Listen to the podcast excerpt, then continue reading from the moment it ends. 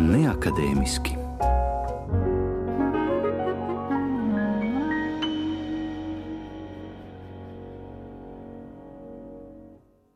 Ir klāta klasikas neakadēmiskais laiks, studijā Inte Zēgnere, un šoreiz klausīsimies Šarla Aznavūra ierakstus.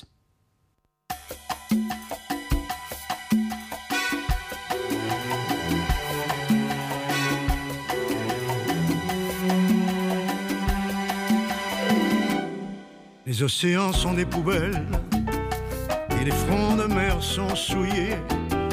Des Tchernobyl d'Henri Bambel voient naître des fœtus mort-nés.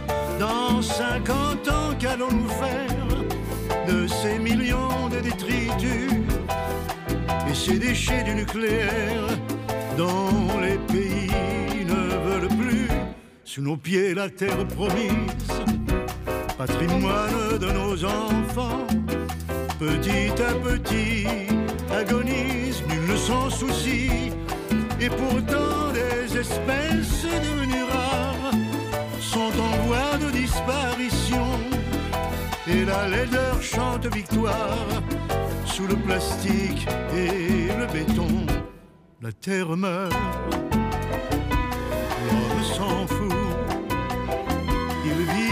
sa vie, un point c'est tout. Il met à son gré, à son goût, le monde sans dessus dessous, la terre meurt. Où allons-nous?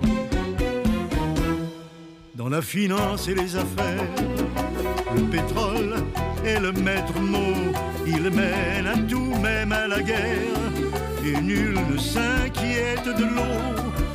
Où en sont la flore et la faune Et qu'advient-il du firmament Privé de la couche d'ozone, gardien de l'environnement? Sous le ciel, le sol se révolte, car l'homme trompe la nature.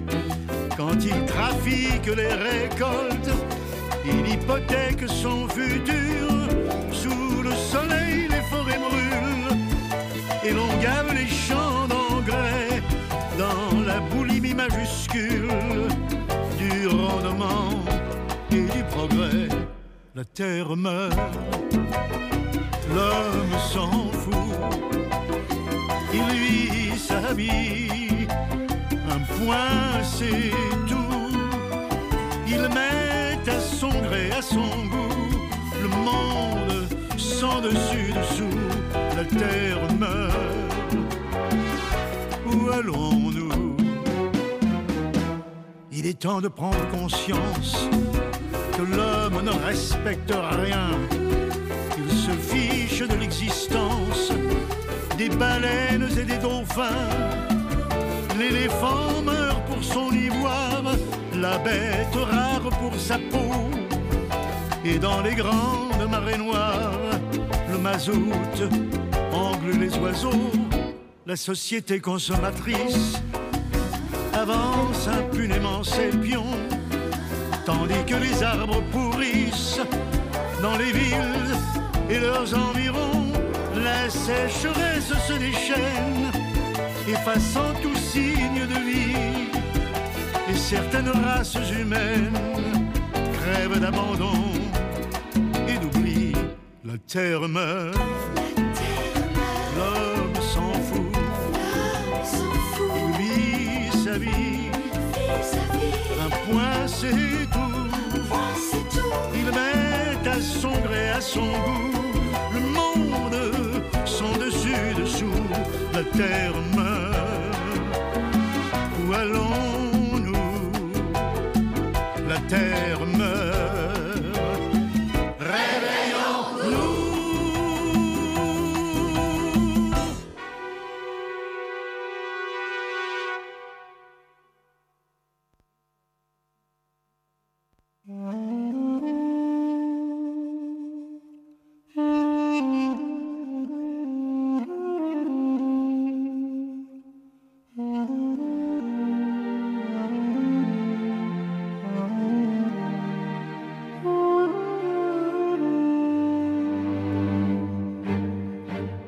son sol n'est sillonné que par ses cicatrices. Dieu l'a mise à l'épreuve sans l'aménager. Elle n'a survécu prix le sacrifice, le plus souvent trahi, le plus souvent violé. L'ennemi s'est toujours pressé à ses frontières. Elle a pleuré son sort pourtant, s'est ressaisie d'attaques meurtrières en tremblement de terre. Elle a vécu le pire, pauvre et tendre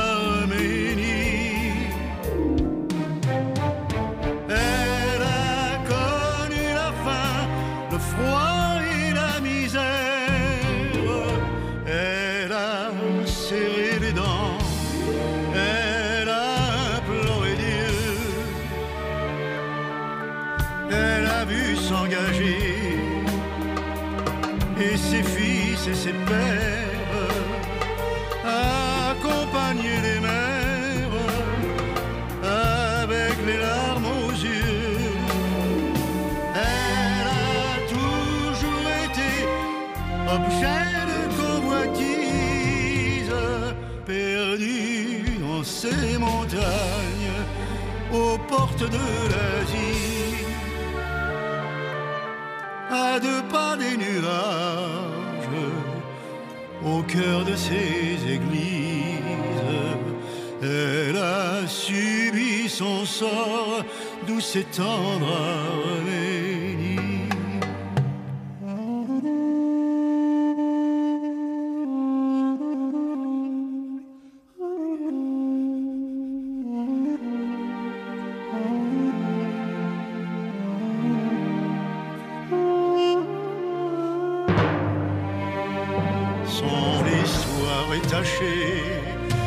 sang de mille guerres, de siècles de douleur, comme d'espoir mort-né. Héros sont couchés dans le vieux cimetière, couchés mais morts debout face à l'adversité. Elle a gardé sa langue et sauvé sa culture. Elle s'est accrochée pour sortir de la nuit. Mille fois ravagée, elle renaissait pure pour tout recommencer. Belle et tendre Arménie. Dans ce coin tourmenté du monde, elle s'accroche à son destin cruel depuis la nuit des temps. L'arme à proximité de la faux et la pioche pour défendre sa terre et nourrir ses enfants. Indépendante enfin sur son sol légendaire, elle se prend en main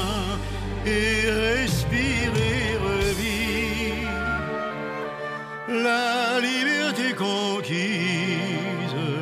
Il y a tout à faire avec l'aide de Dieu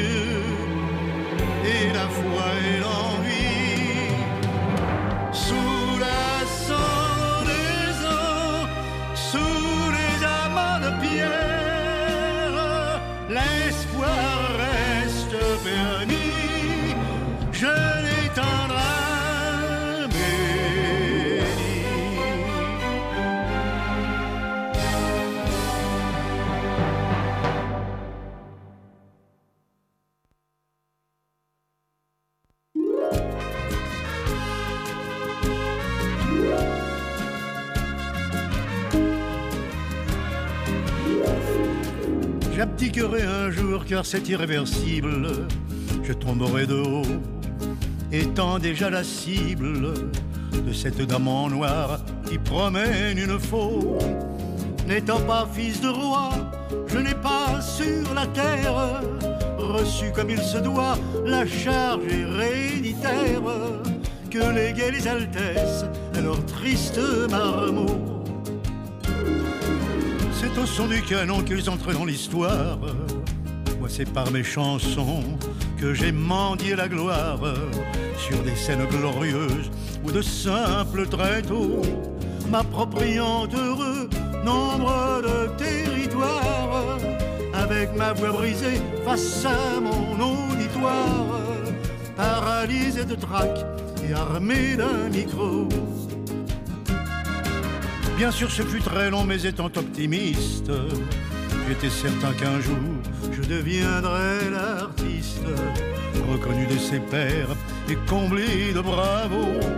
Le pire et le meilleur, j'en ai fait mon affaire. Et s'il me reste encore un beau spectacle à faire, un bel enterrement flatterait mon ego. J'abdiquerai un jour comme ont fait les monarques qui ont laissé des traces et imprimé leurs marques au prix du son versé par de pauvres héros. Face à cet ennemi qui tournera ma page, que l'on nomme vieillesse et que j'appelle l'âge, je fermerai les yeux sur mon dernier rideau. J'accepterai mon sort car je ne me vois guère contre la dame en noir déclarer une guerre que cette pute immonde n'a jamais perdu. Car c'est le lot commun que l'on soit pauvre ou riche. Le temps décolle un jour les dernières affiches qui égayent les colonnes et les murs de nos rues. Adieu à son public, c'est comme adieu aux armes. Dernière apparition provoque des larmes. À l'heure où l'on s'en va, poignardé de regrets, avec la gorge sèche et le regard humide, un regard d'amoureux sur une salle vide. C'est seul et déchiré qu'un jour j'abdiquerai. Mais avant de partir, du moins, je suis d'or qu'il me faudra donner quelques spectacles encore pour clamer haut et fort que je pars sans retour. Quand cœur et voix brisés, accablés de souffrance, l'œil triste, j'offrirai l'ultime performance de ma vie encombrée de tendresse et d'amour. Trois ou quatre ans d'adieu, c'est à peu près, j'estime, ce qu'il me faut donner comme soirée ultime avant de recevoir dernière distinction. Ce grand César d'honneur qui me remplira d'aise, qui est déjà un visa pour le père chaise, que m'offrira debout toute la profession dans une chaleureuse et ultime ovation.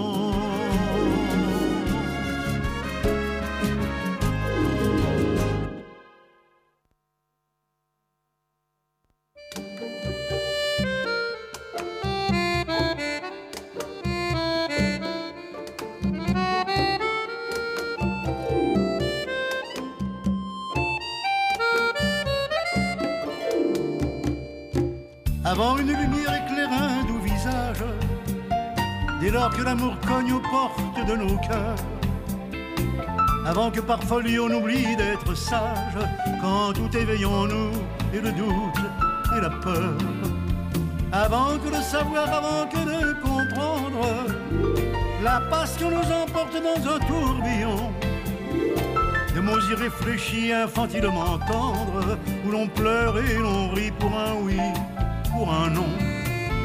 Avant tout est plus beau, plus grand, plus magnifique. On baigne dans les eaux bleu ciel merveilleux. Avant c'est une joie si forte et si magique qu'il nous met en riant un bandeau sur les yeux. Avant, avant, avant. Le cœur a 18 ans. Avant, pendant. Pendant ces l'embellie, on prend de la distance, offrant à nos émois d'autres rythmes de vie. Pendant ces planifiant le choix d'une existence, faire que l'amour vive enfin sur ses acquis.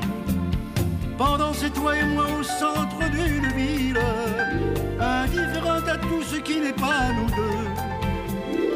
C'est l'étrange impression de vivre sur une île, au soleil d'un printemps béni par tous les dieux. Pendant c'est l'émotion de caresser ton ventre, où commence à bouger le fruit de notre amour? Pendant c'est cet enfant qui est déjà le centre de toutes nos pensées de nuit comme le jour. Pendant, pendant, pendant, on ne pense jamais. Pendant, pendant, pendant, qu'il y a un après. Après viennent reprocher soupe à la grimace, les cascades de larmes effrayeurs des enfants. Après, c'est quand on est piégé dans une impasse d'où l'on voudrait sortir, mais on ne sait comment. Après, ce sont ces mots et phrases assassines qui déchirent, détruisent et sapent le moral. Suivi de longs silences ou penchés sur ces ruines, chacun pense les plaies des mots qui ont fait mal. Après, mon Dieu, après, si l'on est raisonnable, on fait du mieux qu'on peut pour une solution. Puisque les jeux sont faits, on joue carte sur table en disputant le prix de la séparation. Avant, pendant, après, l'amour est ainsi fait. Avant, pendant, après, rien n'est jamais parfait.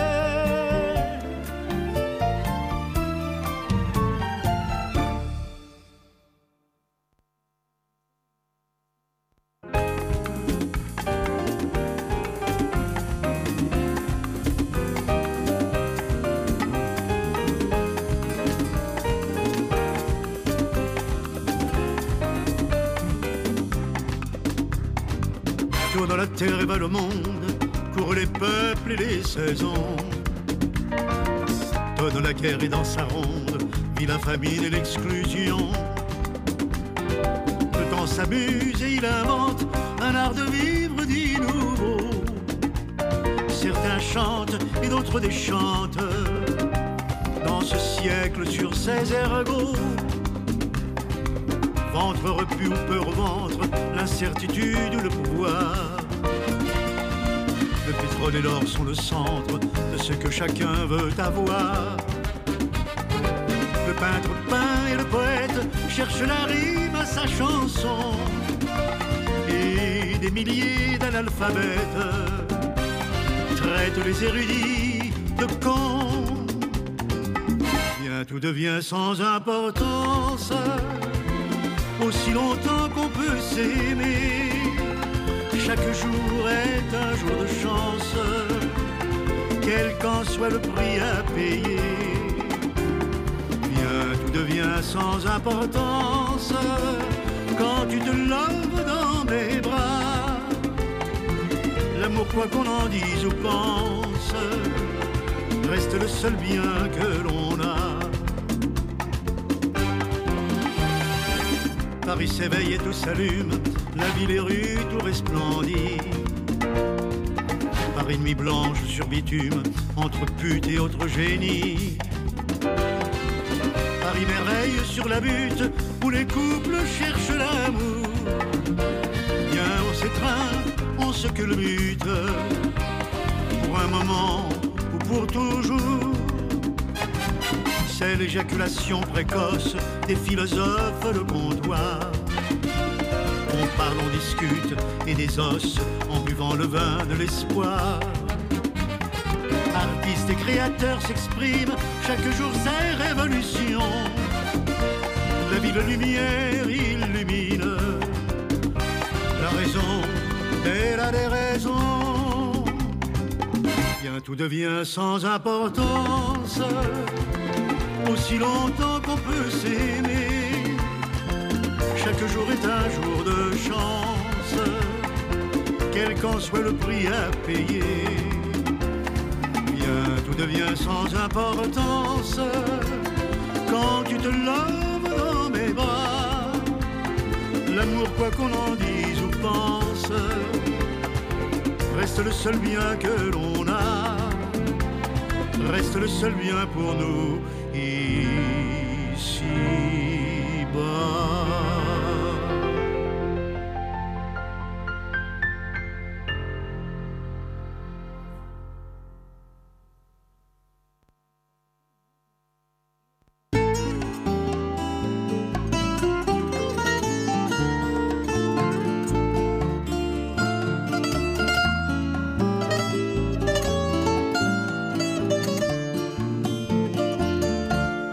qui défie le temps, les siècles et les ans, et qui court l'aventure, et propose en chantant tes rêves et tes tourments en des ruelles obscures. Toi qui tires les pleurs et chamboules les cœurs des âmes en détresse, Fado de mon passé, tu griffes mes pensées et gifle ma jeunesse, et gifle ma jeunesse. Fado, fado, toi qui me hante, toi qui te plantes dans ma chair, tu as la voix des menthes et de la vague et de la mer.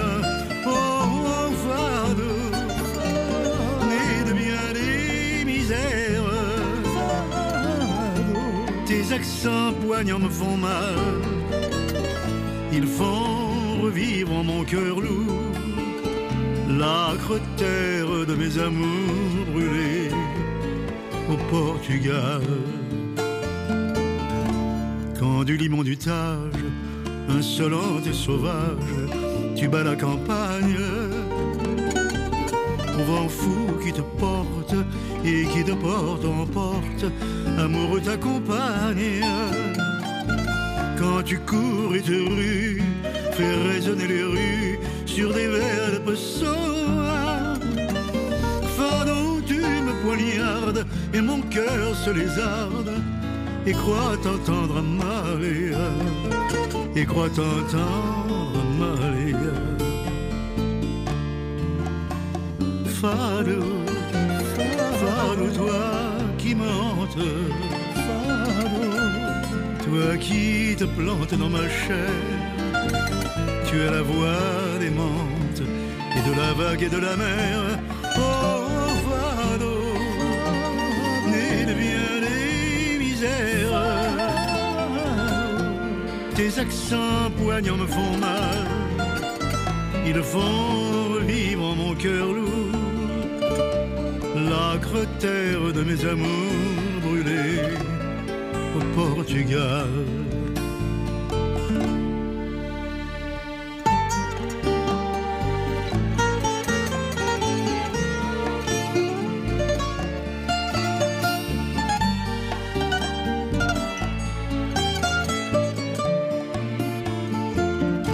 Lorsque rien ne va plus, que j'ai le cœur nu, que ma raison s'égare.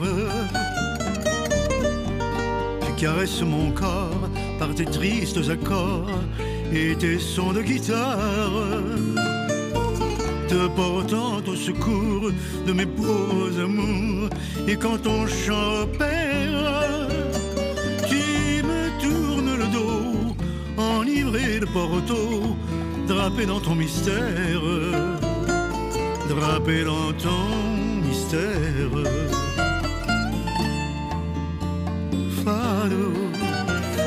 Fado, toi qui me hante, toi qui te plantes dans ma chair, tu as la voix des menthes et de la vague et de la mer.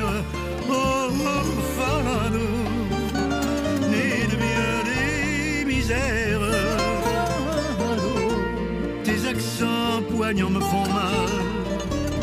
Ils font revivre en mon cœur lourd terre de mes amours brûlés au Portugal.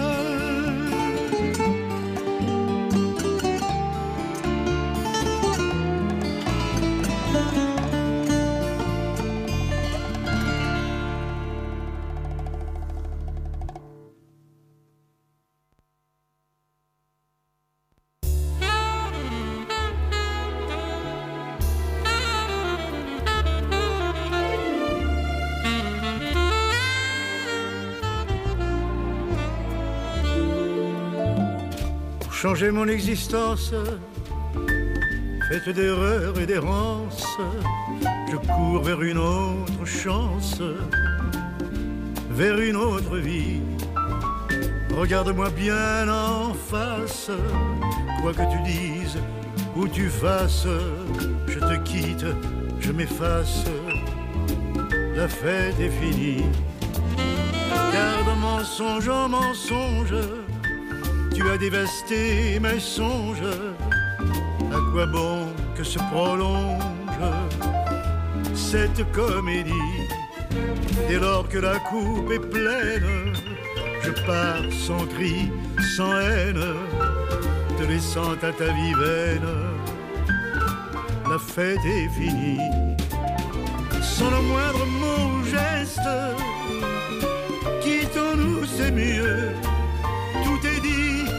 Ne nous reste qu'à se dire adieu. Non, ne cherche aucune excuse. Ma raison te les refuse. Elle a trop subi tes ruses et tes fourberies. Hmm, il n'y a plus rien à faire. Tu as ruiné nos repères et perdu toutes tes guerres. La fête est finie.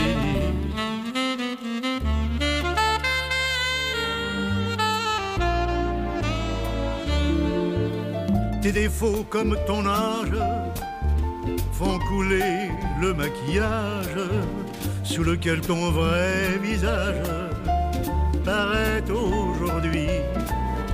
En misant sur ma faiblesse, tu es avec maladresse perdu tes cartes maîtresses. La fête est finie.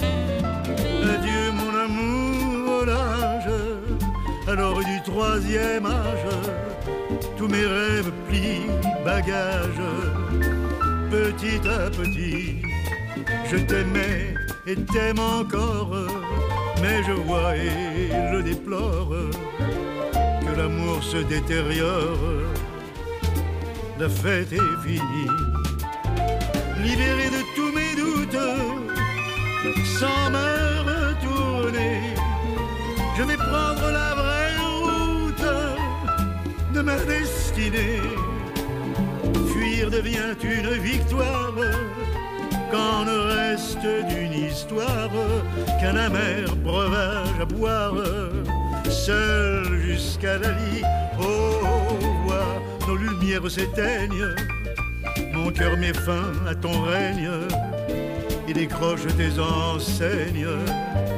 Adieu et merci, la fête est finie.